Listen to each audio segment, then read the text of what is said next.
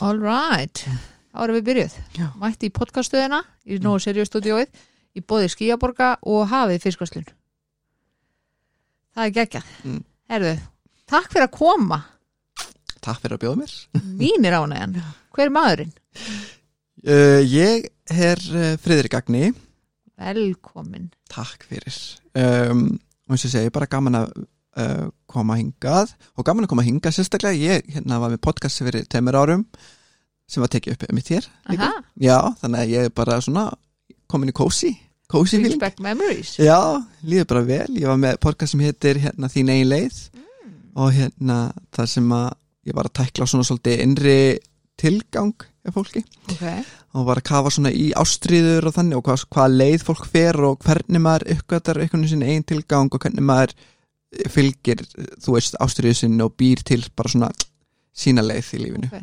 það er svolítið þú Já, því það er nefnilega svolítið það sem ég hef verið að gera, þú veist, bæði fyrst ómeðvitað og, og svo svona mjög meðvitað Já. svona á síðari árum mm -hmm. þannig að hérna, mér fannst áhugavert einhvern veginn að að kafa í þetta hjá öðru fólki og svona sjá hvað hvernig leiði fólk er að fara uh, já, þannig að það er bara gaman að vera hér. Ég, Nú hef ég fylgst svolítið með þér svona Mm. á samfélagsmiðlum og svona. Uh, Mér finnst þú brjálaðislega áhugaverður einstaklingur. Takk fyrir, takk fyrir það. Já, mér finnst það, það er bara svoleiðis. Uh, þú veist, hvernig, hver ertu svona í grunninn? uh, já, Ó, þetta er svona spurning sem að maður alveg svona bara hver er, og spurning sem maður er mitt spyr sjálfa sig að Mm. alltaf bara hver er ég, hver er ég?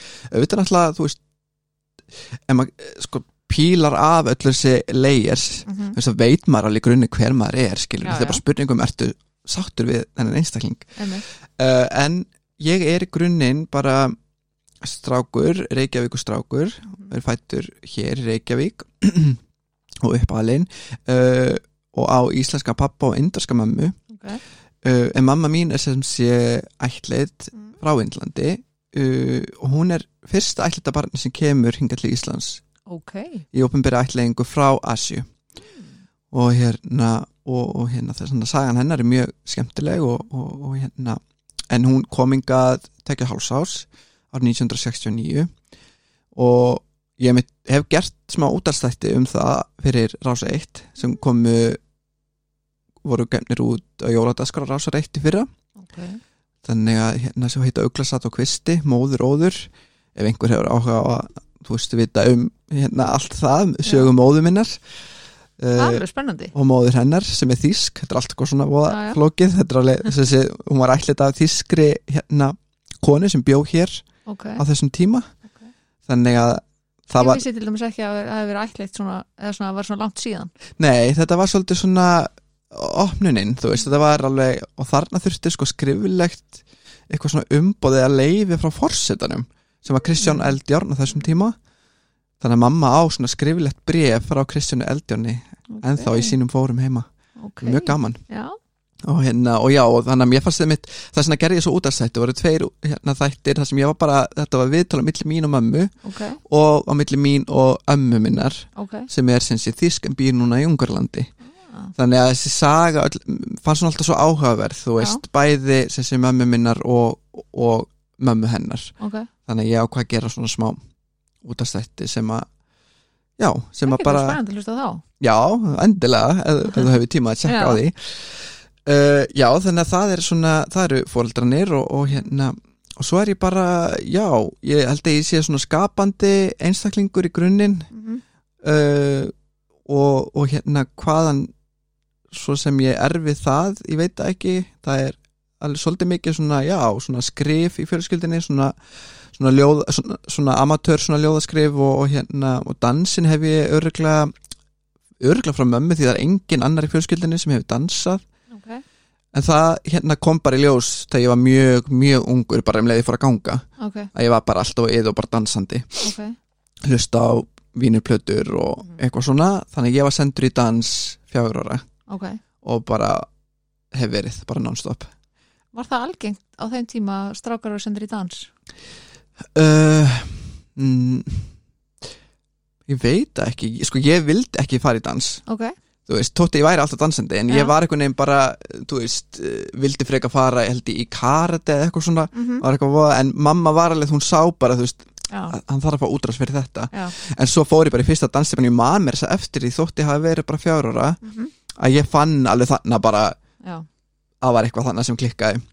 Það náttur heima. Já, mm og hérna þetta voru bara svona barnadansar svona samkvæminsdansar og þannig að ég fer í það og bara fer bara all in og fer bara að keppa þú veist ég keppi fyrst í fimm ára ok, í sjö ára og yngri. Ok, og var í öðru seti og svo bara árið senna þá vann ég í fyrsta skipti Íslandmestaratitil ok. Og hérna og svo bara var þetta svona og gekk bara vel og, og hérna og, og hérna hafði bara mjög gaman af þessu. Og, og var að keppa og þú veist og var alltaf svona eitthvað neginn þú veist í fyrsta öru þriðasæti var svona Mhm. í svona topp baráttun alltaf. Ok, og fara alltaf útlandu að keppa heimsmestramótum og svona. Ok.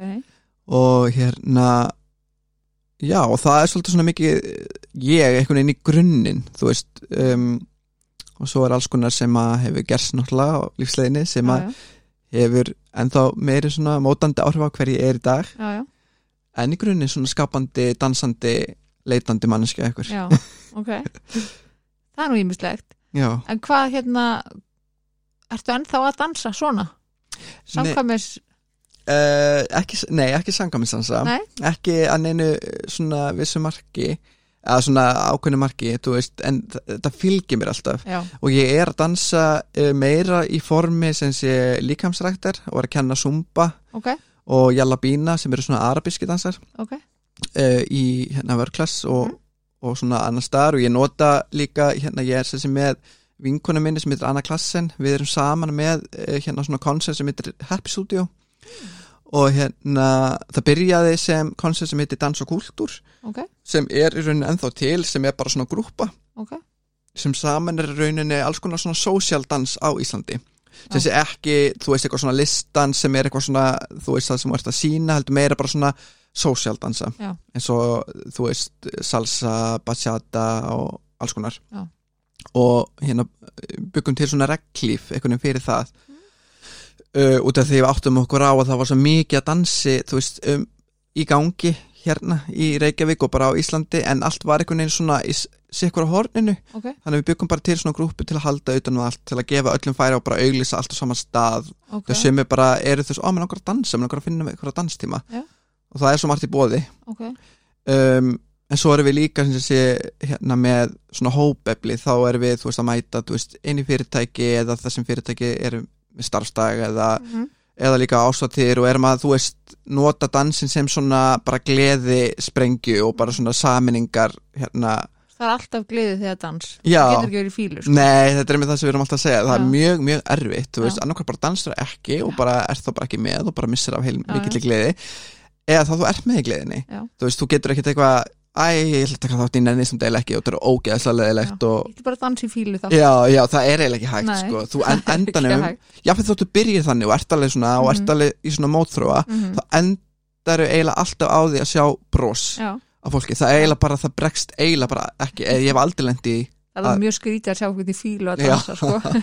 þannig að já, þannig að við erum svolítið með happystudio.is, við erum svolítið að, að gera þetta, nota dansinn og svo erum við líka, sé, Anna er líka uh, markþjálfi og ég er unni líka, ég Ok. lærði sé NLP markþjálfun ok, og hamingi markþjálfun Mm.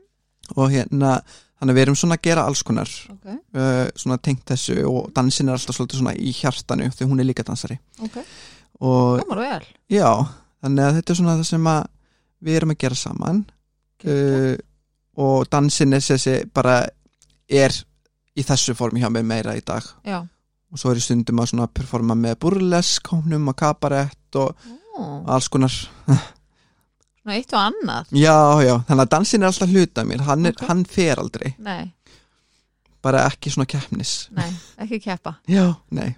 Ok, geggjað en hvað er svona, þú veist, að því núna ertu mikið í svona allavega það sem ég fylgist með þér ertu mikið í svona motivation svona sjálfsást, sjálfshjálpar alls konar svona hérna sjálfshjálpar tali sjálfsást uh, svona mikið inn á við mm, mm, ef ég er að segja þetta rétt mm.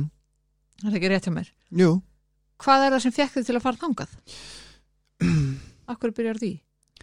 sko, ég held ég hafi alltaf verið grunninn svolítið svona mm, það, ég hef alveg held ég alltaf verið með svolítið mikið svona innsæi sem sé, eða svona verið ágættum tengslu við tilfinningar Ok. þú veist, það er alveg verið svona einhvern veginn er svona tilfinningarík manneska myndi ég segja, eðlisfari ok. þannig að kemur kannski alveg svona náttúrulega einhvern veginn til mín að vera þannig þengjandi og svo bara, ég veit það ekki uh, sko kannski markvist fyrir svona 7-8 árum að það fór ég svona meira að tilenga mér einhvers konar uh, jákvæða sálfræði eða svona lesa mér til um hana eða þú veist svona einhvern veginn sækja mér eh, visku Já. þú veist til þess að hjálpa mér einhvern veginn að bara vera jákvæður og, og að gera draumana mína og markmið skýrari og sækja mér svona í einhver svona verkfæri. Mhm.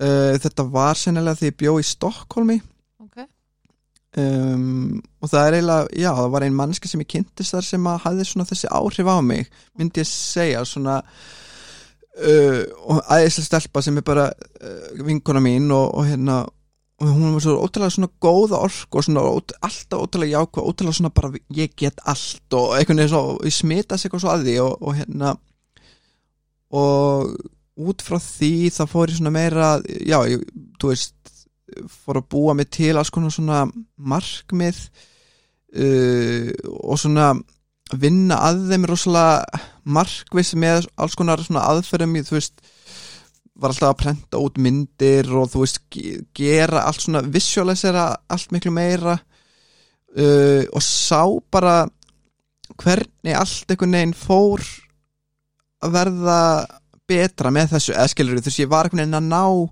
miklu meiri utanum draumanum mína og markmið og allt fór að raungerast Mhm. allt einu og svo, þú veist, ég áttaði mig á því aðeins senna, bara já, þú veist ég fó bara markvist að búa mig til og sjá drauma og markmið fyrir mér Mhm. og, og þú veist, vinna að þeim og vera myndur á þau einhvern veginn og og svona upp frá því þá bara fór ég að sjá þú veist, það er eitthvað til í að vera svolítið í þessu motivation og að sjá drauma raungerast, þú veist, hlusta á annað fólk lesa sér til um alls konar rannsóknir sem hafa verið gerðar.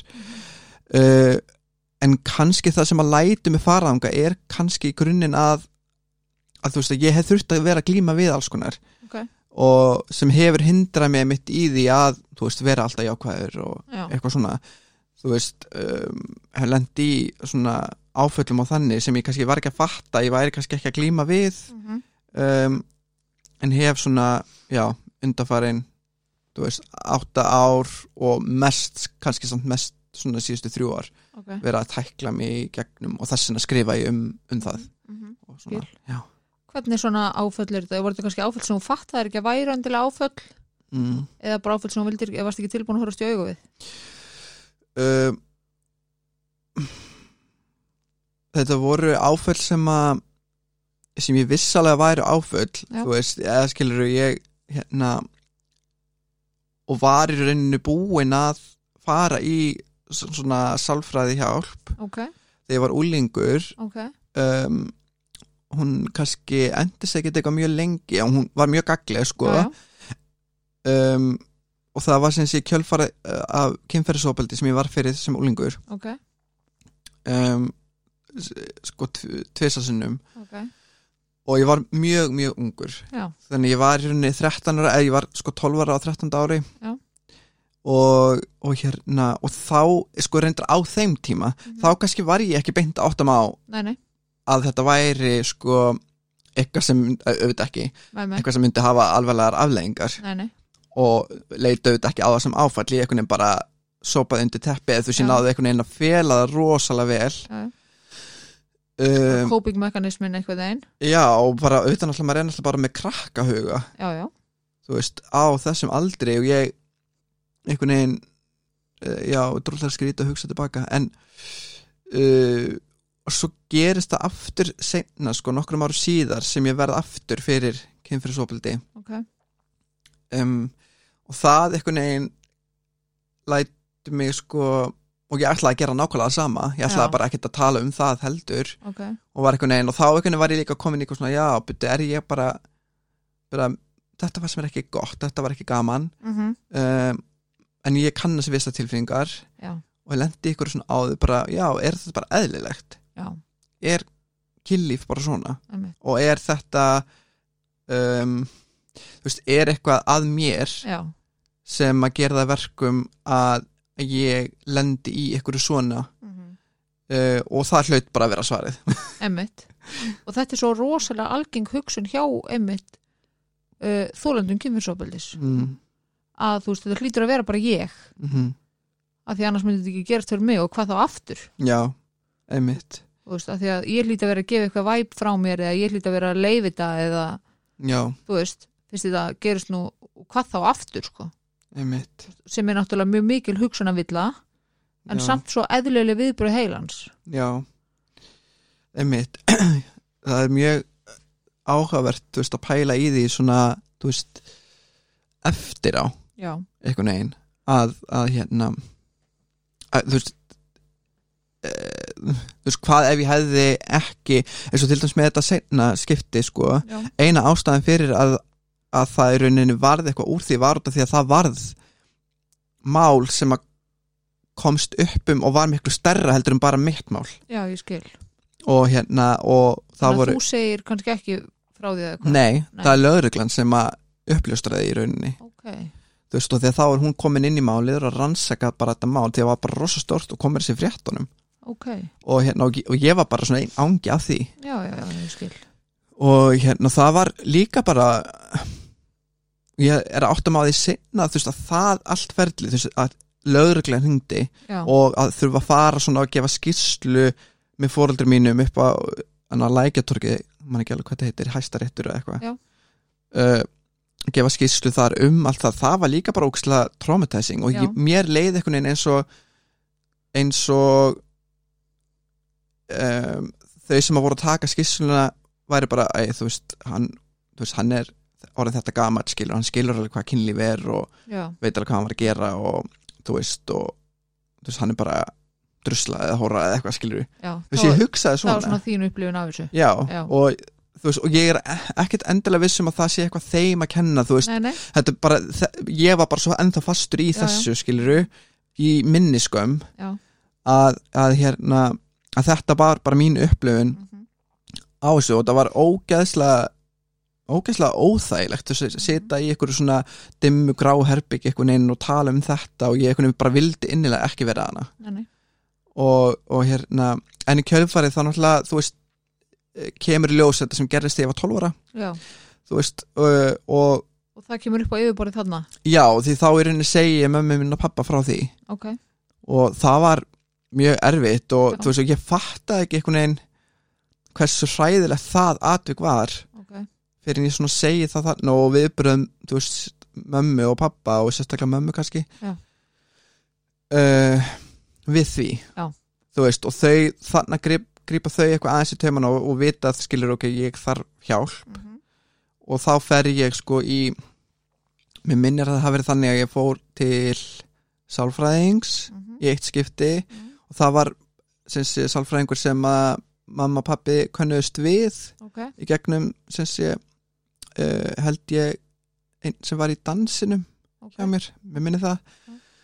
uh, og svo er ég sendur til geðlæknis mhm, einhvern tímann að senna svo fyndið því ég, sko, ég er alltaf þessi ár fyrir mér er rosalega mikið í móðu og ég er alltaf, þú veist, ég er alltaf því ég segja frá þessu, ég hef sagt frá þessu áður mhm, en ég er alltaf svo, já, gerðist ekki þessari röð, eða Já. var það, þú veist, ég er alveg einhvern veginn, því, á sér tímabili var ég bara í ykkur svona móki. Survival mode. Já, einmitt.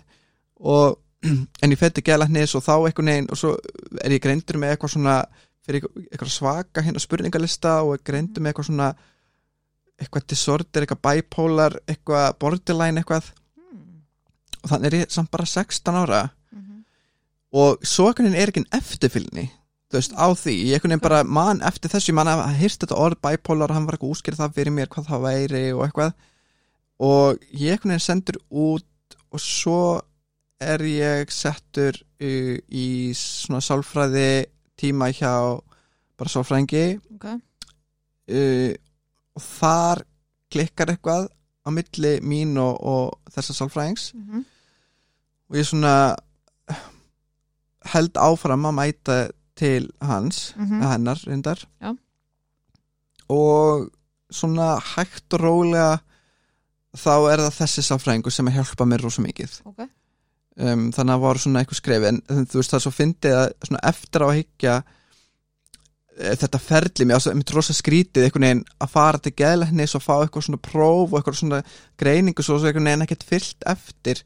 Og fóreldra mínir held ég uh, vissi ekki neitt einhvern veginn, það var rosa, rosa skrítið. Já, líka eitthvað skrítið í kjölfarið á þessu að þetta sé það sem að á að taka við. Já, þannig að, þa- þannig að veist, það er í rauninu bara nýlega sem ég er að hugsa tilbaka um Já, þetta Mhm. og muna þetta og ég er bara svona, þetta er rosa skrítið um, uh, hérna, en já, það er þessi bara og ég hitti líka næringafræðing ok. í gegnum sálfræðingin Var það eitthvað svona vandamál? Já, því það er nefnilega var vandamál líka, sko þegar ég var 14 ára, þá var ég bara einhvern veginn ekki var, út af því ég var í dansi og keppnistansi, mm -hmm. þú veist, það var ég alltaf bara, þú veist, ég var alltaf alveg fitt og grannur Já. og það kom upp eitthvað svona þráhyggja og ég held kannski að það hafi verið út af því ég var eitthvað búin að missa einhverja stjórn, þú veist, það var eitthvað sem brotnaði Mm og svo fann ég alltinu eitthvað sem ég gætt stjórnað Já. sem var matur -hmm. og þú veist, og ég var alltaf, ég var svona aðstundum eitthvað svona uh, svona að fyrirsætast eitthvað svona Ok. pínlítið svona úlingur mm um, og var ofta alveg að heyra bara að þú svo grannur og flottur og sætur og var svona að byrja að heyra eitthvað svona. Já, og hérna og, þú veist, emitt gekk mjög vel í dansi þannig að kemur eitthvað svona pressa held ég þarna. Já. þú veist að og ég held að fólk átti svo oft ekki á hérna völdunum sem þessu orð hafa emitt, ég held að það sé mjög sko mikilvægt að fólk átti svo á því sko. já akkurat. Og sérstaklega sko á þessum úlingsárum mm -hmm. uh, sérstaklega ef að bæði stelpur og strákar og allt þetta mm, ef þú komin áleiðist þessa leið mm, eins og þú segir, þarna finnur eitthvað sem þú hefur stjórn á. Mm, og það er matur sem er Mhm. mjög algeng byrjun á ádröskun mm, mjög algeng. Um, og svo heyrir þetta á grannur og flottur og sætur og alltaf, mm, það er bara svo vítaminspröyti raskandi sko. Já, einmitt og þetta virkaði þannig þetta Já. var veginn svona eh, kom eitthvað svona hræðisla við að missa þetta Já. bara já ok, þannig að ef ég missi þetta mm -hmm. þá, hvað er í þá, skilur Já. og þannig ok, þannig ég ætla bara að passa mig að verða aldrei feitur það var bara já, já. markmið Mm -hmm. og þannig að það var ekkit auðvitað, þú veist, áttaði mig ekkit á því að það var eitthvað óðilegt, þú veist, fyrir mér var bara svona það vill ekki vera feitur, skilur Já. og, og, og var einhvern veginn bara já, ég ætla að halda matardabók um hversu mikið kaloríum ég er að borða eitthvað svona og skrítið einhvern veginn að ég hafi verið þeim pælingum 14 ári og en það er svo eðlilegt þegar maður hugsar þegar maður þekkir sko hugsunarmunstrið mm, og maður þekkir eitthvað svona fræði á bakvið áföll og allt þetta mm að þá er þetta svo rosalega eðlilegt. Já, einmitt og ég, já, ég skil ég skil hvernig ég fór þessa leið núna. Já, já, já, núna, veist, en eðlilega ekki á þessum tíma. Nei, nei, þarna var ég bara í þessu skilur, Já, ég bara ég ætla bara þú veist, og svo bara fór kalirinn alltaf minna minna. Já, já, þú veist, þannig til ég var ekki að borða neitt nema, þú veist, drikja jógrúst og trópi. Já, já. þú veist, en samt alltaf að æfa dans ógsta mikið, og, Og- á þeim tíma þýtti það líklega að þú væri brókslega duglegur. Já, já var bara, þú veist, og, og var líka að senda mig í skóla. Já, og hérna og alveg, þú veist, svona stiltur kom vel fram, mm þú veist, var ekki þú veist, eitthvað að fykta við þú veist, reykingar eða drekka eins og sömur kringum mig uh, á þessum tíma. Uh, þannig að þannig kemur eitthvað svona og ég er bara að hugsa það núna þú veist, þetta er eitthvað svona ótrúlega mikið eitthvað svona pressa. En þú veist, ég er alltaf að pæli þú veist, ég set hann eða bara á mig sjálfur Já. þú veist, ég bý hana til sjálfur Mhm. þarna þú veist, því ég ætla bara núna ætla ég bara að taka stjórnina Já. hún er ekki að koma frá fóreldriðinum eða, nei, náttúrulega, hún, hún gerir það ekki Nei. þú veist, ég uppliði ekki eh, allavega ekki beint pressu, skilur frá Nei. fóreldur mínum þú veist, auðvitað náttúrulega veist, það var, var alveg skiptið það sem að þú veist, þau voru sko stolt af mér og síndu það já. Og, og sem er náttúrulega bara mjög gott en kannski að einhver leiti þú getur það líka orðið of eh, of mikið eða eitthvað skilur þannig að þú einhvern veginn heldur að þú upplifir það sem pressu. Já, Já. þú veist að að, halda því áfram og þau verði stolt að þér. Já, emitt og, og hérna, og þetta er svona einhvern veginn skrítið að að segja það, auðvitað náttúrulega þegar svo einhvern veginn getur þetta að vera akkurat auðvitað sem að þú bara heyrir aldrei, þú veist hvað fórið þinni stoltir og alltaf meira bara að þú verður að standaði betur já, já, skilur já, og það er veginn meira sem fólk tengi við sko, að sé pressa, en nákvæmlega. pressa getur líka komið út frá því að þú sért alltaf standaði vel já, og sért alltaf vera að monta sig af þér uh -huh. að þá kemur pressa líka. 100% um, já og þannig ég einhvern veginn bara fór að borða minna þannig til að þetta var einhvern veginn bara orðið að ég var orðin algjörlega orkulegs já, og var að æfa beint eftir skóla kom heim á kvöldin og einhvern veginn svona náða að fela það. Eins og ég sagði við mömmu og pappa kannski hafi bara borðað á milli æfinga því oft Já. var ég enga tímum og svo kom hlýja og svo kom hóp, hópaæfing Já. og þú veist þá gafst tími til að borða þú samlóku eða eitthvað mm uh, sem ég sagðist bara hafa gert skilur uh, gerði ekki. Já. og þess vegna slapp ég við kvöldmandi heima og því ég var að koma heim kannski átta hálf nýja þannig ég náði rosa mikið að fela þetta ok. og stundum og svo þróast út í það að ég var orðin svo ógeðsla songur að hérna ég lættist fram á nætuna já, og borðaði Já. og fekk svo rosalega mikið samvinskupið að ég byrjaði að kasta upp Já. og hérna og þú veist, ég einhvern veginn fattaði ekki að þetta væri var eitthvað að þessu nei, nei, það var bara mjög, mjög eitthvað þetta var bara, nei, þið bara er að gera þetta. Þessu ég má ekki vera með hana mat í líkamannum skilur þú Mhm. veist, út af því ég, annars myndi ég bara vera feitur. Já, þannig að þessu ég þarf bara að gera þetta, það er eðlegt en ótrúlega skrítið á þessum tíma hugsaði ég svona, af því að þetta var bara, þú varst bara í aðstæðanum já. En, en hérna þú veist, þannig að já, þannig að þetta voru svona, þú veist 14, 15, 16, 17 átján, það er kannski svona fjögur ár mm -hmm. þarna sem að þetta er svolítið svona. Uh, og svo þetta kjölfarið, þú veist byrja ég að drekka og reykja. Já, þú veist líka. Já, og þá var það meira svona bara ég get ekki verið svona perfekt. Nei akkurat, þú veist, ég ætla líka bara að reykja og ég ætla bara líka að drekka. Já. þú veist, af því að það, þú veist sko, maður getur ekki sko, maður getur ekki staðendum undir hérna væntingum að vera fullkomin alltaf, að, þú veist, alltaf. Og maður átt að segja því á einhvern tímpúndi sko. mm, ekki, sko, og ekki þá miskilum með því að þetta, þetta sem hún stendur á þarna var ekki fullkomnun sko. nei ég mitt en mjög margir byrja til dæmis að reykja út af því að það getur komið í staðin fyrir að borða. Mm, ég mitt, það var pínu þannig já, já, það, það er oft þannig. En fórstu, mistur einhvern tíma stjórn í því til dæmis drikju og svoleiðis? Sko ég var ég var alveg svona sko, eh, pínu svona sjórlaus á tímabili Já. í því um, þú veist, í drikki og jammi og svona, en samt einhvern veginn ekki eitthvað meira heldur en allir sem voru kringum mig Nei, þú veist um, og, og hérna þannig ég kannski ég kannski var ekki að fatta að það væri væri beint vandamál sko nei, bara alls ekki, ég var bara að skemmta mér og, og þetta, Mhm. þú veist, skrítið að segja sko, þetta voru líka einhvern veginn útrúlega skemmtileg ár, já, já, þú veist og ég menn það getur alveg verið það. Já, þú veist, að vera í þessu kási og einhvern veginn að átt, átt að sá bara hvað maður vill gera og þú veist, prófa að sá áfram með mitt í, veist, kynlífi og vera skotin í einhverjum og, Mhm. og þú veist uh, fá aðtekli frá hérna, fólki og svona. Já.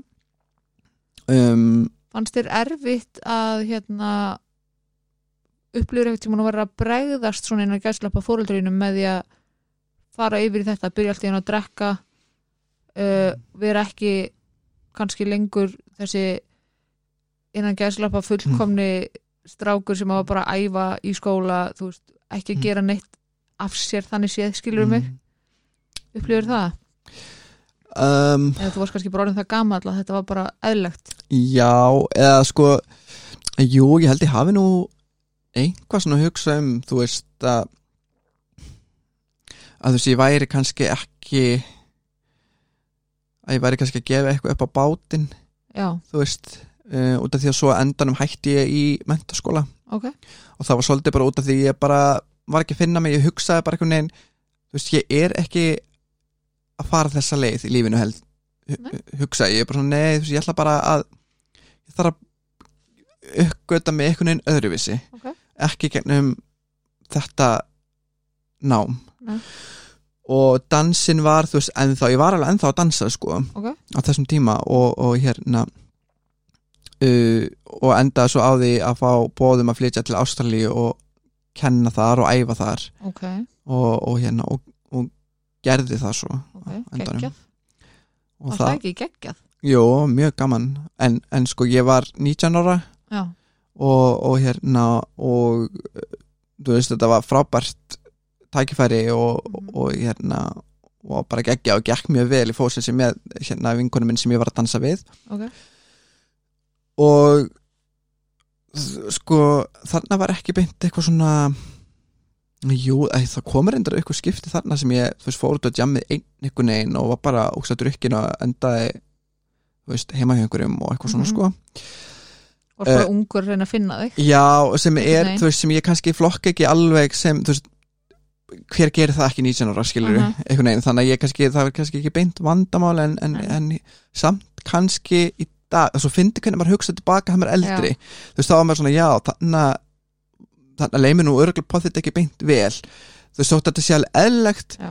en samt er þetta ekki ekki mjög skynsalegt já, ekki endilega skynsalegt já, já, eða besti stöðin að gera og, og jú, alveg kannski vísir að því að, að alkohól kannski sé pínu vandamál uh, út af því það er líka vandamál í fjölskyldinu minni. Ok, það er alkoholismi í fjölskyldinni en ég var ekki að pæla í því nei skilur uh, ekki frekar en svo margir 19 ára krakkar já, einmitt, maður er svo bara maður er bara svo allir aðrir, það er allir bara að gera það sama, allir Já. eru bara að drekka og skemmta sér og allt snýst bara um fyrstu dag lögadag Já, já. þú veist. Uh, en sko þarna úti verður dansi líka pínu svona sko ég fæ rosa meðlega heimþrá og Mhm. ég held að það stafi svolítið út frá því að ég er svo langt í burtu. Já, þú veist það er einhvern veginn bara já ég get ekki skroppið heim Mhm. í heimsón og mamma getur ekki skroppið hingað. Um, og svo verður ég líka búin að kynna sem sé strák áður ok. heima og, og hérna og við uh, þú, þú veist, og ég, ég vissi alltaf að ég væri að fara til Ástralíu þannig ég einhvern veginn var ekkert og ég var bara ekki að leita að sambandi. Nei, nei, þú veist, það var bara eitthvað svona hræðilegt fyrir mér að vera í sambandi á þessum tíma. Já. og hérna, en það var einhvað við þennan strák sem að samt toga alltaf svona Mhm. í mig Mhm. og, og hérna og það var já, svona samblanda þessu og það að dansin og allt keppnistæmið í kringum það Já. var fara að vera bara ómikið það voru meira kvöð heldur en skemmtilegt Já, og ég vildi það ekki og því ég elska samt að dansa, skilur Já. en allt í kringum það var einhvern veginn bara þú veist, og ég uppgöta alls konar hluti hana úti, þú veist, um einhvern veginn mm, svona bara mjög svona unethical hluti í kringum sportið sem að ég var alveg bara, uh, þú veist, þetta er einhvern veginn ekki það sem ég vil gera. Um, þú veist, og því að gefið í skinn svona þú veist, að ég geti sofið hjá einhverjum til þess að fá, já, já, þú veist, eitthvað enni, slendi í þannig samtali já, í kringum eitt mótið. Ok og hérna og sem betur fer skilur því ég hefði alveg getað hugsað 19 ára bara, ó, ok, auðveld leið til þess að láta mig ganga vel, eða þú veist eitthvað. Eh, hérna, en, ég, en þannig var ég alveg bara nei, bara ég þetta er ekki það sem ég vil gera. Nei, og, og hérna ákvað bara að, ok, strákurinn hérna heima sem eh, ég þurfti eitthvað aðeins að tjekka á ég var hrættur með að tækifæri myndi fara frá Já. mér. Og hann er líka maðurinn minn í dag þannig að ok þannig að, þannig að þetta var rétt ákvörðun. Já. alveg, alveg því bara besta ákvörðun sem ég teki í lífinu. Að fara þannig og bara kýla á það að einhvern veginn bara verða ásfangin og því ég hafði ekki verið ásfangin Já. áður. Um, þótt ég hafi svona verið að dúlla mér í ykkur svona mínisamböndum sko. Já, en það var uh, já bara eitt samband sem ég var í á sem var mjög, mjög óheilbreytt ok, og hérna en þannig að, þannig að þetta var rétt ákvörðun sko ok, þetta finnst mér fallegt. Mm. þetta var mjög fallegt, Þannig ég, já, ég flutti heim þegar daginn sem ég var tvítur ok. flög ég tilbaka sem var á, á jólanum aðfangadag, ég var sem sé ammæli aðfangadag. Ok, þá flög ég heim frá Já. Ástralíu til Já. Íslands og bankaði svo upp á hjá þessum strák. Bara allt innum komin sko, hann vissi ekki að því. Já. Og hérna, hann maður þinn í dag. Hann er maðurinn minn í dag, já. Við erum búin að saman síðan, þetta var 2007 já, þannig að hérna, já, Þetta er alveg verið ástasaga. Já fljúa halvan, halvan nöttin bara. Já, Einmitt. hérna, já. Og ég fyndi sko, því ég hef verið spurður að ég svona þú veist, hvernig maður hefur eh, í rauninni þess að tilfinningalegu greind eða hvað sem maður kallar Já, já. kallar þetta sko á þessum aldri til þess að átta sig á svona hlutum. Mhm.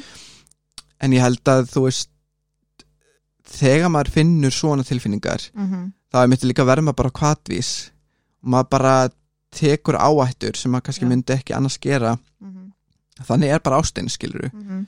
uh, og hún er einmitt, og mér fannst þetta einmitt ekki eitthvað mjög mikið merkjum greind, þetta var þetta rosalega kvatvís þetta Já. hefði gett að fara hvernig sem er. Já, þú veist, það hefði gett að vera að hann var bara eitthvað, uh, herri, ég byrja að hitta annars rák uh, en, en hérna þannig að, en þú veist, en þetta var bara Meant to be meant to be, já, Já, það er svolítið held þannig. ég bara pínu þannig, já. En þú talar um að þú hefur verið í einhverju samband á þessu og svolítið toxic, var það eitthvað svona ofbeldis samband eða þannig? um, já, það, það var það í rauninni, sko ég uh,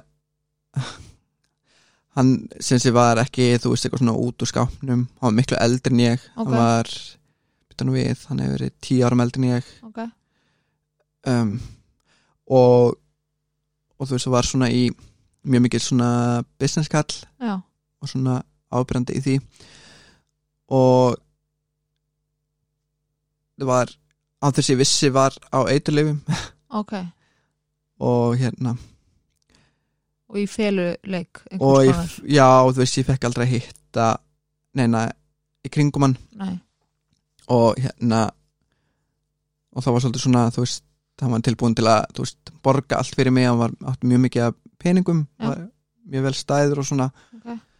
Sem var kannski fyrir mig líka á þeim tíma svolítið svona sjarmerandi veist viðan þú veist svolítið svona uh, þannig svona típa og svona og ég er náttúrulega svolítið brotin Já, já, þú veist þannig að þetta er svona típist einhvern veginn.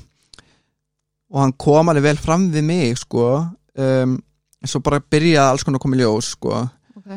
Um, svo svona afbríðisemi uh, þú veist að ég var eitthvað fór eitthvað á jammið með einhverjum Mhm, vinnum mínum eitthvað og mhm. senda mér SMS og, og einhvern mann þú veist, þá var ég heima hjá honum og hann var ekki heima því að hann þurfti að vinna, var í vinnuferð og þannig ég ákvað að fara út á jammið eitthvað og svo kemur hann fyrir heim og ég enda jammið heima hjá vinnum mínum, sem er bara vinnum minn sko. Já, og hérna, og það var allt einhvern veginn brjálað. Já, og, og hérna þú veist já, og ég kom heim og eitthvað og þú veist hann kastaði stittu sjórpið sitt sem smallaðist og eitthvað svona. Já, og, en þú veist, það var ekki hann snerti mig ekki, sko. Nei.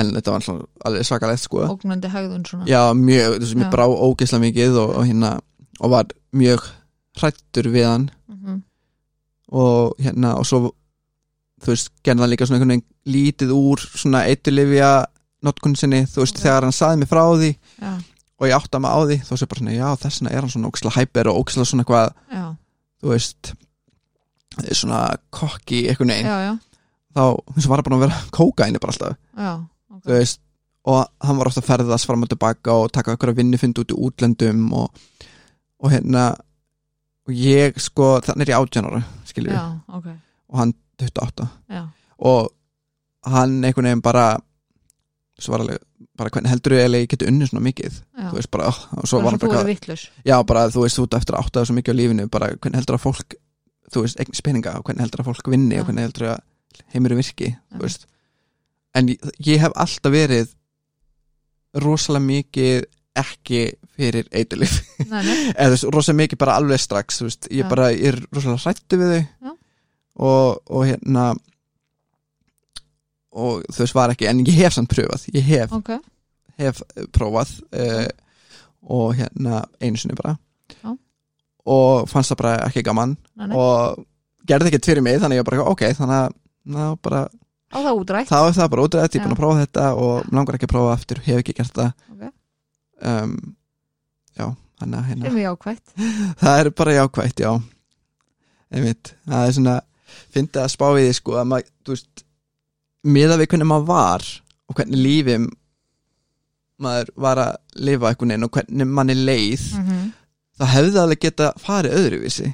Ég meina það er mjög algeng leið eftir svona áföll og svona að leita í hugbreytandi efni til þess að deyfa sig sko. Mm, einmitt. Og líka fólk sem að til dæmis þróa með sér ádraskanir mm, það er mjög algeng leið að leita í hérna hugbreytandi efni þar sko. Einmitt, einmitt.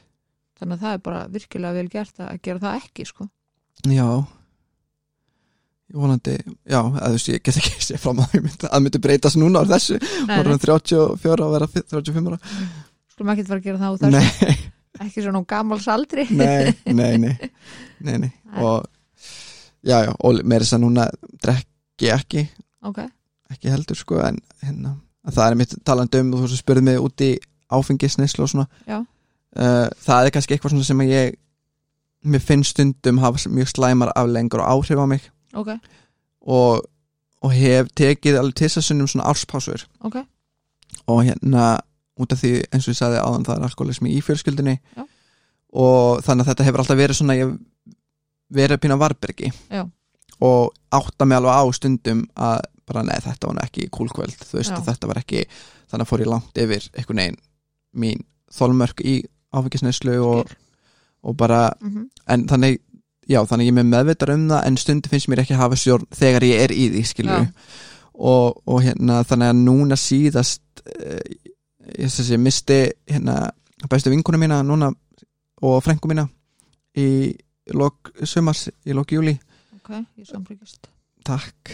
Um, það var uh, 21. júli um, og það eiginlega hrind af stað svona aftur ykkur svona algjöru svona sjálfskoðun já, þú veist út af því að hún fór svo skyndilega og Ok. einhvern veginn uh, þú veist bara í blómalýsins og Mhm. þú veist, ekkert að og ekkert, þú veist, maður veit ekkert hvað gerist og það hefur rosalega svona óþægileg þú veist bara algjörn fyrir utan einhvern veginn bara þennan þvílíka missi Mhm. og, og það einhvern veginn þá bara áhrifin sem það hefur á þú veist hugafari hjá manni Já. og hvað maður fyrir að líta einhvern veginn á manns eigið líf mm. og bara virðið í því hvað maður er að gera hva, í, þú veist, í hvað ef maður, maður er að tímanum sínum um, allt þetta þannig að, þannig að í kjölfarið þá ákvað ég að hætta að drekka ok, uh, og þú veist, og í þetta skipti finnst mér einhvern veginn, ég svona er ekki því eins og ég segi, ég tekið svona áspásur Já. og svona svolítið svona með það í huga, svona ég ætla að taka pásu bara allavega í einhvern tíma og Mhm. en núna er ég svolítið svona bara ég væri til að aðtöka hvort þetta sé kannski bara lífstilli sem ég vil tilika mér Já. og þegar mér finnst það yfir höfuð svona heilt yfir hafa bara góðar afleðingar veist, og hérna en það var sem sé svona það var svona kveikjan að því að ég ákvaða fjarlæga áfengi Já. Finnst þér erfitt að fjarlæga það? sko, nei nefnilega ekki Nei? mér finnst það ekki sko og, og hérna, en sko í þetta skipti þá fór ég alveg bara í S.A.A. og allt sko Ok, og bara fór í, í hérna ákvaða svona fara í ráðgjöf Já. og bara tala um svona mitt samband við áfengi og hvernig að læta mig líða og svona ok, og fór í svona þrjú einstaklingsviðtöl hér Já. ráðgjafa sem var mjög gott og, og hérna og, og hann benti mig bara á hann sagði einhvern veginn þú veist að bara það að ég hafi einhvern veginn svona tekið þetta bara sjálfur Já. og gert þetta svona þá þú veist það er alls konar þú veist í bóði já, já, en ég þurfti bara ákvæða sjálf hvort ég vildi fara eitthvað lengra með það eða hvort það sé bara fínt að koma af og til í svona lítið spjall. Og ég held að það sé svona leiðin fyrir mig. Algjörlega og út af því að þetta er kannski ekki það einhvern veginn out of control vandamál Mhm, en samt eitthvað svona bara sem að lætu mér ekki líða vel. Algjörlega, um, og, og, hérna, og ég hef alveg heyrt í kringum með það eru margir sem hafa sínt fordæmi og ég vil tala um það þú veist uh, opinberlega um bara að hætta að drekka. Ekkert endalótið að sé orðið eitthvað brjálæslegt vandamál Nei. en þá oft er það samt líka kannski bara kannski á það eftir að verða rosaslótt það vandamál. Geta allir þróa þetta með sér sko. Já, þannig ég eitthvað nefn og bara eins og staðin er núna þú veist þetta er hvað þrýr, fjóri mánuðir eða eitthvað þú veist. Og mér, já, ég er ekki að finna eitthvað, þú veist, jú, það kemur alveg þessum að kannski er í aðstæðum þar sem að og sem margir er að drekka og Mhm. þú veist það er svaka mikið stuð og, og þú veist kannski ekki með fólki sem eru bestu, bestu vinniðinir Já, já, þá oft kannski kemur svona. Já, þú ert ekki alveg í þæginda rammanum. Nei, en þegar maður er í félagskap þar sem allir eru bara ókslega tillaðir og allir ókslega einhvern veginn það sem áfengi er einhvern veginn ekki centerpísið af öllu. þá finnum, ég finn ekkert fyrir því að ég eitthvað vilja drekka eða þurfa að drekka eitthvað sko. Það er náttúrulega svo, úst, eins og ég sé alltaf svo sem bara whatever floats your boat sko. Já, með það hvernig maður ætlar að hætta að drekka maður ætlar að gera það sko. Já, það er ekkit ein leið sem er heilög. Nei einmitt, svo framulega sem mann líður bara vel sjálfum sko. Já algjörlega. Og ég eins og segi, ég sé ekkert neikvætt við að Nei. drekka ekki. Það er ekkit neikvætt eða nei, þú veist, það, það er í alveg þannig. Og hérna, og bara, veist og það er svo dýrmætt einhvern veginn að Mhm. að uppkvæmta þá að finna það bara þessi, þú veist, þessar helgar þar sem að maður bara er fullar á orku. Mhm. og, og hérna, og jafnvel, þú veist, en ég elska samt að sko fara í matabóð og partí og, og hérna fara út á lífið, sko. Og Og- geta gert það án þess að, að fá sér mm. það er náttúrulega geggjað. Já, veist, stundum sko oftast er það bara lítið mál en stundum er það svolítið svona bara, æ, er, ég er ekki alveg í feeling. Já, já. þú veist, það er allir bara ókissa fullir í kringum mig og ég einhvern veginn það er bara ekki gaman. Já, Ha. og þá bara, þú veist, þá bara fer ég heim og, og horf bara á Gilmore Girls eða eitthvað, já, einmitt, nákvæmlega. Þú veist, og hérna og fer bara að sofa og eitthvað. Og, hérna, og finnst það bara bara mjög kósi, þú veist, ég var oft upplega að lappa heim, þú veist, af bænum þess, úr bænum og hérna og verið bara með svona tilög, bara, æ, ég laka til að horfa bara Mm. þennan þátt og bara þú veist, eitthvað nasta, hress í eitthvað og já, þú veist, fara bara að sofa klukkan er minn en eitt, skilur við vakna bara hressi fyrir máli já, og fara bara í ræktina og eitthvað. En hvernig er svona eins og sjálfsmynda vinnan þín? Hverju hefur hún skilað þér? mm, hún hefur skilað mér því að ég er rosalega meðvitar um bæði mína kosti en líka mína bresti Mm -hmm. uh, og er svona bara og það er sjúklega bara erfitt að vera á þeim stað það er rosalega erfitt að vera á þeim stað að þú einhvern veginn veist einhvern veginn, bara, "Ó, ég er svolítið svona og þetta er bara en þú veist, þú ert meðvitar um það þá Já. ert einhvern veginn að reyna að tækla það þú kemst í svo mikla tengingu við uh, sjálfið þitt Já. Sem er bæði óbærslega eitthvað svona valdeflandi þú veist, og gott, líka rosa skeri það er alveg skeri að vera í tengingu við sjálfa sig út af því að þú, kunnin, þú sérði þig svo vel. Og, og sérði allt þetta ljóta en það er aðal, þú veist, þessi lærdómir er rauninni að, að sjá það og svona faðma það og svona bara ok, hvað getum við gert til þess að passa, passa hérna frik, frikka sem er Mhm. hér og, og líður svona og hefur upplifað allt þetta og, og hérna það sem hefur fært mér einhvern veginn er að ég hef búið mig til bara eins og ég heiti, þú veist, Friðrikagni og ég hef búið mér, þú veist, til þú veist, eins og samfélagsmiðlum Já. þá heit ég bara Friðrikagni en svo er ég með mína persónulegu síði sem heitir Friðrikagni Árnason sem er fullt nafn en ég hef svolítið nota til dæmis bara ok, Friðrikagni er bara mitt alter ego, þú veist, ég heiti það í já. en, en svona, og svo er einhvern veginn frikki, ég Já. vil kalla það frikki Uh -huh. Það er þessi, þú veist, það er allur ég, þú veist, það er öll fortíðin og barnið og, og þetta. En friðrikagni er þessi sem er að sækja sér uh, viskuna og er að reyna að, að þú veist, hlúa að. Já, og svona deila með hinnum og deila með hinnum, þú veist, vekkferðinni og, og hérna, og þetta hefur verið mjög dýrmætt og gaglegt fyrir mig að vera í þessu ferðalagi og finnst þér hjálpaði líka einmitt að, að segja frá? Já, það gerir það. Já. sko það er einhvern veginn hvert einsa skipti og svo líka bara þetta samtal skiluru og þegar maður er, þú veist, ég líka hitti sálfræðing alltaf Mhm, einu sinni í mánuði, þú veist, og, og hérna er að gera alls konar verkefni og vinnu með, mhm. með honum. Uh, það er alltaf, þetta er svona eitthvað rosa losar um eitthvað. Já.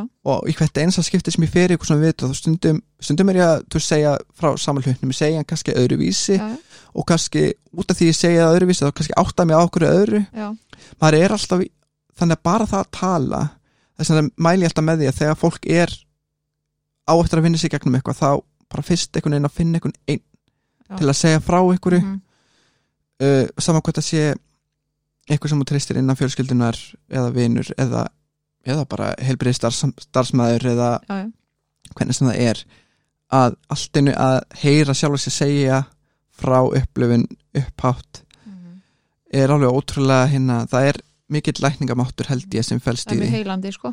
Já, og þetta hefur verið erfitt en, já, það er mjög erfitt Já. fyrst sko.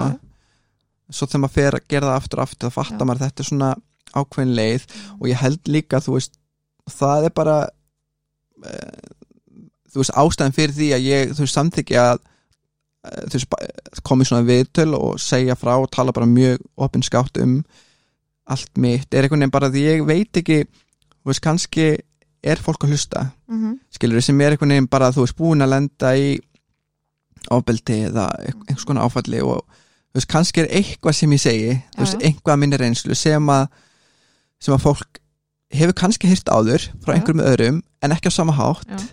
þannig að það er svo mikilvægt einhvern veginn að heyra frá mismundi fólki. Nákvæmlega. Og þess vegna hlusta ég líka bara sjálfur á viðtöl og podcast Já. við annað fólk. Mhm. og það er ástæðan fyrir því að, að ég ger þetta. Já, það er svo gott að finna maður ekki einn. Já. Það er á sama tíma og það er umlut að heyra að fólk hafi lent í alls konar. Mm -hmm. það er samt svo gott og heilandi að heyra að maður er ekki einn að vera með svona alien syndróm sko. Já, einmitt og líka bara að að heyra sko hvernig fólk ber sig að Já. og hvaða leið fólk fer í kjölfarið að því hafa lendi í ykkur þú veist uh, og það er kannski það sem ég get uh, þú veist, tala um, þú veist, ég er, ég er hérna í dag, já, skilur nákvæmlega. Um, og, og hérna út af því að þú veist, það voru alveg skiptið þegar ég var úlingur þar sem ég var alveg bara vildi bara helst ekki vera til. Já, já, og og ég er svo fegin að ég ákvaða að vera til. Já, nákvæmlega. Og fara í, og það er svo eðlilegt með reynsluna eina að það hafi komið tímabil sem að þetta var hugsunin. Mm, já. Einmitt. Uh, veist, og það eru margir sem er á þessum stað já, núna. Mm -hmm. og, og bara uh, bara lífið er svo dýrmætt, það er svo margt gott í og hérna þó að maður sjá ekki alveg þú veist það bara að finna einhvern einn aðila í kringu sig sem að maður tristir og þorir að opna sig við Mhm. það gæti verið bara lítill dropi í hafið í þessari sjálfsvinnu. Nákvæmlega. Líka bara eins og við töluðum um hérna ánum byrjum að taka upp mm, að þó svo við sjáum það ekki utan á fólki já, veist, að þá er það eitthvað sem að er að, að við vitum ekki hvað næsta manneski er að burðast með. Einmitt einmitt og þessan er samanbörður í gegnum samfélagsmiðla rosalega hættulegur mm -hmm. þú veist út af því að auðvitað náttúrulega flest fólk sýnir yfirleitt bara fína myndir af sér þú veist, ég er ekki, það skilur ég ekki að fara að setja mynda með þessum ég er bara eitthvað þú veist, rángegður og með 305 bólur og eitthvað Nei, nei. skilur þú veist, þótt að það myndi kannski þú veist, endurspegla mjög vel bara hvernig mér líður einhvern daginn skilur og það er pæling ég var eitthvað eins og vorum að tala um á þann þú veist, ég hef leitt sett myndir af mér sem að þú veist, eru þú veist það sem ég sé, ok, þetta er ákveðlega vinklað þetta er allt í lagi, Já, lít vel út skilur já. og hérna, svo samt kannski er ég að tala um einhvað Já, já. svona svipað svo við erum að tala um uh, það er bara þannig sem ég einhvern veginn kýs að presentera sjálf á mig uh -huh. en það var alveg pæling að þú veist bara að vera bara, þú veist, líta bara út vera bara með undiröku og vera bara með eitthvað, þú veist. Af því að þú veist, alveg eins og vorum að ræða mitt, þú veist, þú, ef ég myndi hérna, bara ekki neitt vit um þig mm, og sjá þig bara labba hérna úti Mm. af því þú nú bara, ert þú mjög myndalegu maður og það er bara þannig.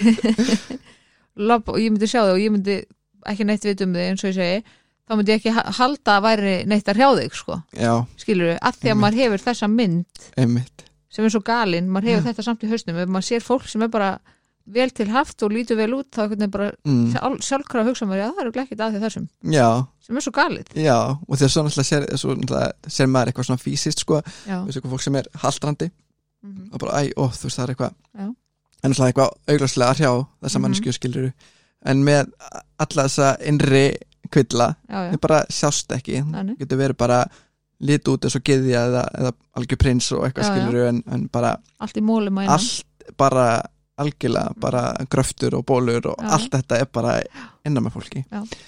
þannig að, hérna, þannig að þetta er rosa áhafur tími sem við lifum á með samfélagsmiðla Mhm, og sem hefur svo oft heyrt þú veist, í gegnum vini sína þú veist, það sem er eitthvað svona ægi, þú veist hún er svo mikið að gera þetta og bara, þú veist og perfect uh, eiginmaður og perfekt barn og perfekt eitthvað svona skilur eitthvað að tala um eitthvað svona þú veist, er alveg, þú veist ekkert hvað er að gerast, Nei, þú veist í sambandinu hjá þessari mannsku getur verið bara heiftalegir yfirhild á hverjum degi eða bara ekki búin að stunda killífi í sex mánu mm getur verið alls konar. Fólk veit ekkert. Nei, þannig að hérna en það er svona, einmitt, það er svo einmitt að, að, að skrifa um hvað er raunverulega í gangi. Mm -hmm. En samt vera með ímynd sem að þú ert sáttu við Já, að presentera fyrir fólki. Nákvæmlega. Þannig að- Það er bara flókið sko. Já, Þess vegna ámar einhvern veginn bara að reyna eins og maður getur að minna sig á að vera bara ekki að horfa á útlitið nei, og dæma út frá því sko. Einmitt. En það er svo fyndið. Reyna er líkil orði í þessari setningu. Já, og það er svo fyndið að þegar maður er þú veist, við erum orðið svo myndræn einhvern veginn. Já, einhvern veginn bregður svo miklu meira við þú veist, litlum vídjóum eða, eða hérna þú veist, mynd Mhm. og svo er það textin, skilur við eins og ef ég var að skrifa þú veist, mína pistla og eitthvað svona bara með pist, pistlum já, það eru sumir sem tengja rosa mikið við það sumir eru rosa mikið svona já. en það eru miklu færri, sko Já.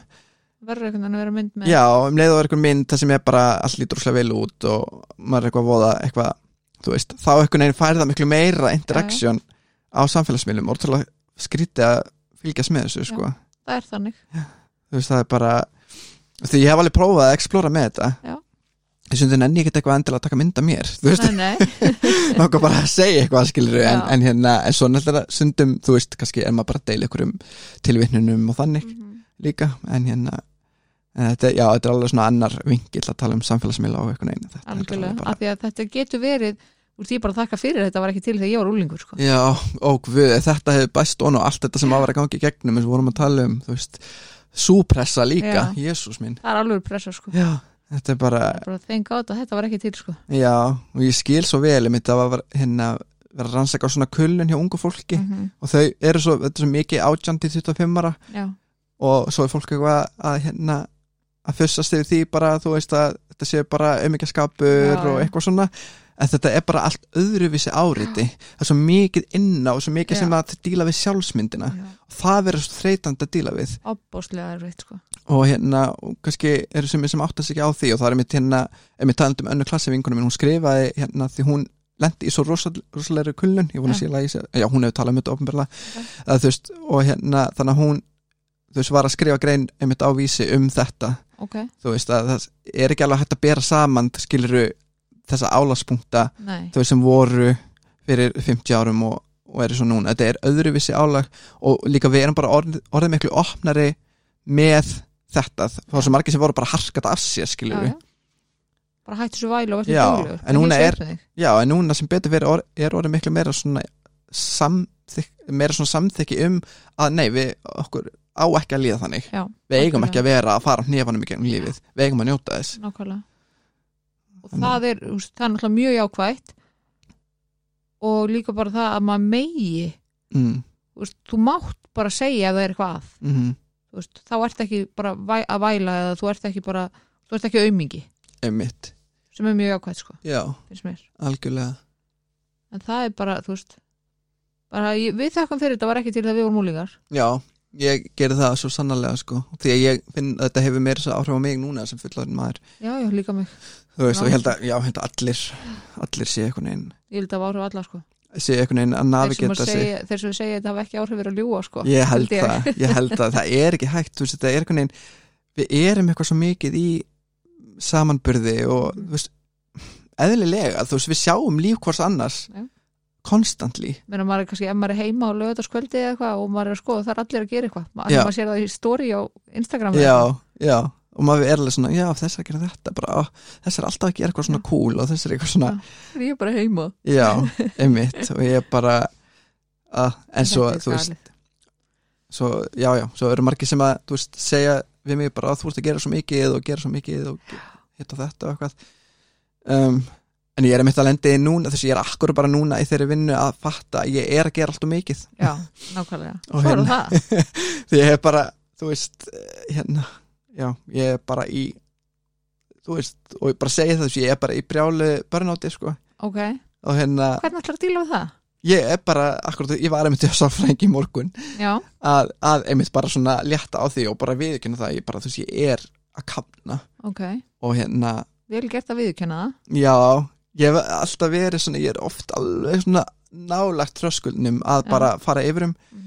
En alltaf næja bakka út en núna finn ég að ég bara er að spóla áfram og ég bara, ég verð að stoppa. Ég Ok. verð að taka einhvað út. Já, þú veist, ég er einhvern veginn, þú veist, ég er að, að vinna og ég er í tvennskona námi, þú veist, Ok. í HÍ og í enga námi ok, og að, þú veist, kenna og skrifa og alls konar. Já.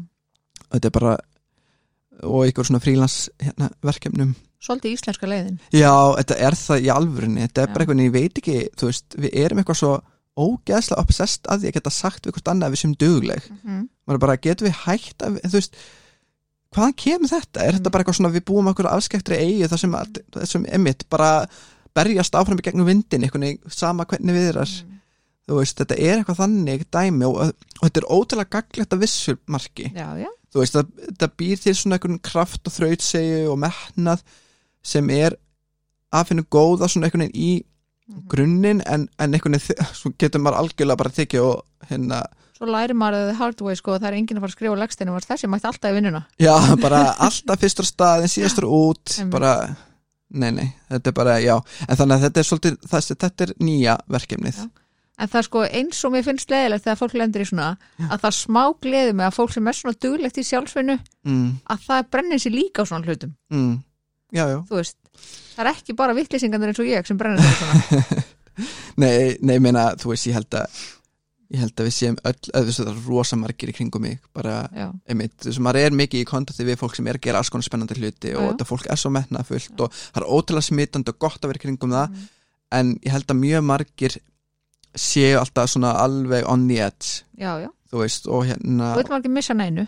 Maður taka ekki missa neinu. svo maður hrættur einhvern veginn líka bara að maður missa að sínu tækifæri. Þú veist, maður kannski með hugmynda hverju verkefni maður vil gera eitthvað, Mhm. bara setja ég verð að gera þetta núna. Mhm, þú veist, ég verð að gera þetta núna, verð að gera þetta núna ég er þannig. Mhm. og, Og svo er einhver annar búin að gera þetta. Já, og þá verð ég brjálaður skilur við og hérna en þetta er, þetta er náttúrulega bara algjör klikkun. Og svo ekki nóg með það þurfa að vera að gera allt heldur þarf allt að vera ógeðslega flott. Já, já, ógeðslega vel gert. Og hérna og ég æfi mig í drasl þú veist fyrir hvert ein bara hvert einasta skipti sem ég er að gera eitthvað þá mhm, þú veist, eru svaka æfingar sem fylgja því og svona einhver, einhver svona lærdómur og einhver svona rannsóna vinna og eitthvað. Því að einhvern veginn geta aldrei gert neitt nema að vera viss um að ég sé búin að gera absolutt það besta sem ég get gert. Já. þannig að það, fullkónun áráttu ofan og allt saman. Já, þannig að það floppar Já. þá get ég bara kent sjálfum mér um það. Um, þannig ég vil aldrei þú veist fara í aðstæður þess að ég veit að ég er óundubúinn þá vil ég fyrir bara sleppa því. Ok. Og því það verður ekki nógu gott. Já. og þá veit ég upp um sökina Þá getur þú kent sjálfum þér um það? Já, Ok, og bara, já, þú æðið ekki þannig að þetta var auðvitað ekki nógu gott. Já, en ef ég, þú veist, svo, svo hefur vinkomin komið við bara, en hvað þú æðið óslega mikið? Og svo floppar það samt, hvað gerist þá? já. Hvað Svona- gerist þá? ég bara svona, nei, það gerist bara ekki í mínu lífi. Nei, ég bara forðast þennan aðstæður. Ég þá bara ger ég ekki hlutin ég ekki. ef ég veit að það er eitthvað mögulega mögulega þetta misefnast, Mhm. bara ætla ég ekki að gera það. Nei, ok. Þú, þú ert all in í öllu sem þú gerir? Já. Ég svona Það er mjög góð uppskrift á börnóti já, og ég bara er að finna núna veist, og máli er, það sem létt mig fatta það er að ég finn að ég er ekki 100% að ná utanum allt Já, og ég er ekki að standa mjög vel og ég hef yfirleitt verið að gera. Uh, og ég er ekki að fá jafn mikla ánægju nei, út úr hlutunum sem ég er að gera. Það er mjög mikilvægt. Já, það er mjög mikið vegt og, og hérna og ég er alveg þannig, ég, þú veist, ég vil njóta þú veist, Mhm. ég vil það, skiluru og, og hérna já, og ég það bara játa mig sigran, skiluru, þetta er alveg pínu þannig. Já, og það er ógeðslega erfitt. Það er mjög erfitt. En það er líka mjög mikið styrkleikamerki að gera það sko. Já, og, mér finnst það mjög erfitt og ég er ennþá bara svona að sætta með það að ég skuli vera á svona stað mm -hmm. að ég þarf að segja við sjálf mig bara, herri, þú getur ekki gert þetta. Þú verður bara að sleppa þessu. Þú bara, sorry, þetta er bara ekki rétti tíminn til að gera þetta. Kannski setna kannski seinna, kannski ekki. Og það er bara allt lagi ef það gerist ekki. Já, já. Og, það, og lífið er þannig já, en já, þannig að þetta er einhvern veginn uh, og ég held ég sé búin að vera spýralast í þessa átt í svolítinn tíma. Því að fólk er búið að vera bara, ertu ekki að gera svolítið mikið? Og komin svona rattir hérna, Mhm. hérna og þaðan. Ég er svona, nei, nei, þú sem ég er bara mér er bara gaman að gera allt, veist og, en málega er að ég er bara að skauta við daginn, ég var bókstala á hlaupum í gær. Já. Bara, þú veist, ég var að hlaupa frá einu fund á næsta, inn í skóla, læra heima já, senda e-mail, gera þetta og svo er ég að gleyma hlutum, þú veist, mhm, gleyma símanum mínum í búðinni og, já, og bara, þú veist, gleyma heilin er bara yfirsnúningi og bara þú veist, gleyma að loka út út í þegar ég kem heim og þú veist, einhvern veginn já, þú veist, gleyma að fara úr þú veist, úlpunum er bara komin heim og sestur við tölvuna eitthvað, þú veist, bara eitthvað. Í, í úlpunni. Já, þú veist, og byrja að taka úr uppþáttavilni í úlpunni svona. Guð. ég er bara komin í eitthvað svona algjörst rugg, sko. þetta er merkjum það að maður þurfi bara að fara að kvíla sig aðeins já, það er svolítið þannig sko. Aðeins að endur hugsa en núna bara þetta er þá bara næsta verkefni. Þetta er næsta Skilurðu? verkefni. Og Já, það er bara mér. að vinda ofan af sér. Já, og það tekur lengri tíma um að reikna með. Já, og ég ætla alveg bara þú veist, hérna, ef ykkur er, að, er á Facebook og svona, þú veist, ég ætla alveg på þetta að skrifa um þetta, því mér finnst þetta bæði er þetta sem maður getur skrifa um þetta pínu fyndi og skemmtilegt skiluru, en þetta er þetta alvarlegt já, mjög, líka og það er bara mjög mikilvægt í þessa vinnu en mér langar alveg að, að tala um það líka. Algjörlega. Og það er útrúlega mikilvægt sko að þú áttið á því á þessum tímapunkti Já, en ekki þegar þú ert búin að fá tauga áfallið og, og það þarf bara að leggja það inn sko. Já, nei, þú veist, bara, veist, það er alveg bara það er ekki langt í það sko ég er bara svona á bremsinu, þetta er Já. svona bara alveg þess að ég hafi verið bara 150 km hraða og svo Já. bara raukt ljós og ég er bara Já. svona alveg að ískrar í bremsan Já, þetta er alveg þannig ég, bara, ég fann að þetta var bara í gær sem, Já. að, sem ég bara átt að maður sér bara nei, það, þetta er ekki lægi nú, nú er þetta komið gott þetta er bara komið gott ég í bara, byli já, ég bara, svo bara tekur eitthvað við setna sko já þannig að, en ég held að það séu geggju lokaður til okkur Mm, en það ekki, bara takk æðislega fyrir að koma til mín. Mér Já. finnst þú alveg æðislegur. Takk fyrir og sömulegis, takk fyrir mig